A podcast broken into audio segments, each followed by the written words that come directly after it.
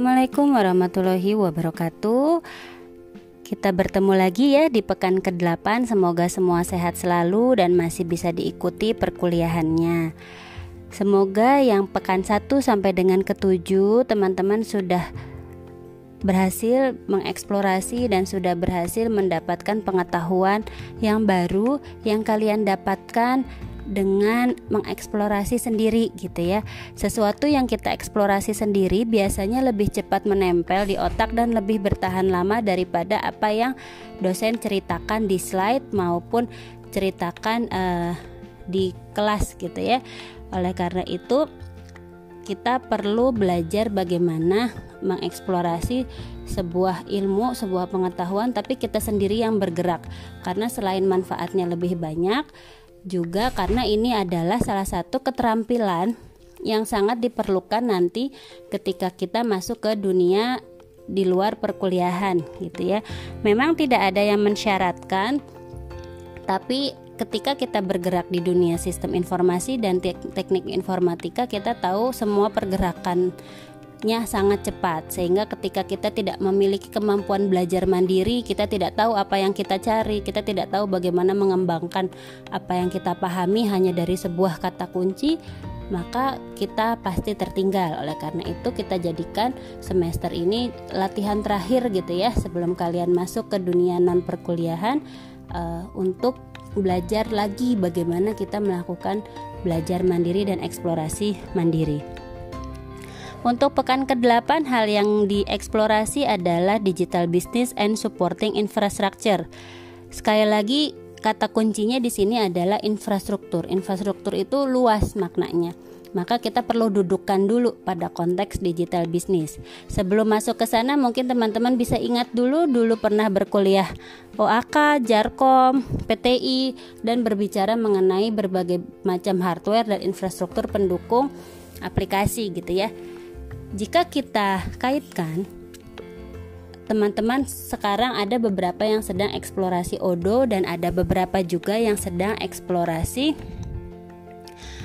uh, odonya semester lalu gitu. Di situ kita tahu dan kalian juga benar-benar merasakan bagaimana infrastruktur pendukung itu mempengaruhi layanan. Kita menemukan ada mahasiswa yang tidak bisa install sama sekali.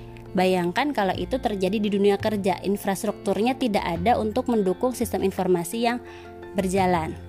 Kemudian kita juga menemukan mahasiswa yang bisa install tapi ada beberapa modul yang tabrakan atau tidak bisa berfungsi secara sempurna. Nah, kita coba bayangkan ketika itu terjadi di pekerjaan kita. Maka sebagus apa pun layanan sistem informasinya jika infrastruktur kita abaikan, maka layanan tersebut menjadi tidak bisa berjalan. Sama dengan digital bisnis gitu ya. Nah, digital bisnis juga sekeren-kerennya idenya, sekeren-kerennya mock up-nya, jika kita tidak mempersiapkan infrastruktur yang cukup, maka layanan tersebut juga tidak akan berfungsi secara maksimal. Ambillah contoh layanan yang e, dipersiapkan untuk user 100 orang gitu ya. Kemudian tiba-tiba yang tiba-tiba ada yang mengendorse. Kemudian tiba-tiba yang akses pada hari itu menjadi 1000 orang, kolaps. Digital bisnisnya kolaps layanannya. Sehingga apa yang terjadi? Yang terjadi uh, adalah orang jadi nggak mau pakai lagi gitu. Uh, padahal itu sudah sangat bagus. Sudah didesain berdasarkan masalah sudah didesain berdasarkan kebutuhan orang interaktif menarik tapi ketika infrastruktur pendukungnya tidak kuat untuk target usernya maka bisa saja layanannya jadi tidak bisa dipakai seperti itu. Itulah analogi manfaat infrastruktur atau supporting infrastruktur bagi keberjalanan layanan digital bisnis. Kita ambil contoh gitu ya. Tadi adalah contoh umum. Misalkan sekarang saya ambil contoh sebuah layanan digital bisnis di bidang e, jasa pembelian bah barang bak bahan baku rumah tangga gitu ya. Contohnya sayur box misalkan. Nah, sayur box ini peng, pemiliknya perlu mendeskripsikan dulu kira-kira target saya berapa orang, kira-kira target usernya sampai berapa orang dan sebesar apa infrastruktur server dan lain-lain server uh, kemudian eh, SDM pendukung dan lain-lain yang perlu dipersiapkan untuk layanan sekian banyak orang tersebut. Jangan sampai uh, layanan tersebut di, dipersiapkan misalkan untuk satu juta orang ternyata sebenarnya dalam satu tahun pertama paling banter cuma dapat 10 ribu user. Nah itu infrastrukturnya jadi terbuang-buang. Beda lagi sama ketika disiapkan hanya untuk seribu orang. Misalkan ini masih fase pengembangan ternyata ternyata uh, pemakainya justru 10.000 orang gitu ya justru jauh lebih banyak. Jadinya layanannya kolaps mati gitu. Sehingga malah akhirnya orang nggak percaya dan nggak mau balik lagi. Nah seperti itu. Jadi itulah pentingnya kemampuan analis dalam mendesain infrastruktur. Secara bertahap ya namanya digital bisnis kan kita secara bertahap ya. Mungkin pelan-pelan 100 ribu 10 ribu 1 juta user dan lain-lain.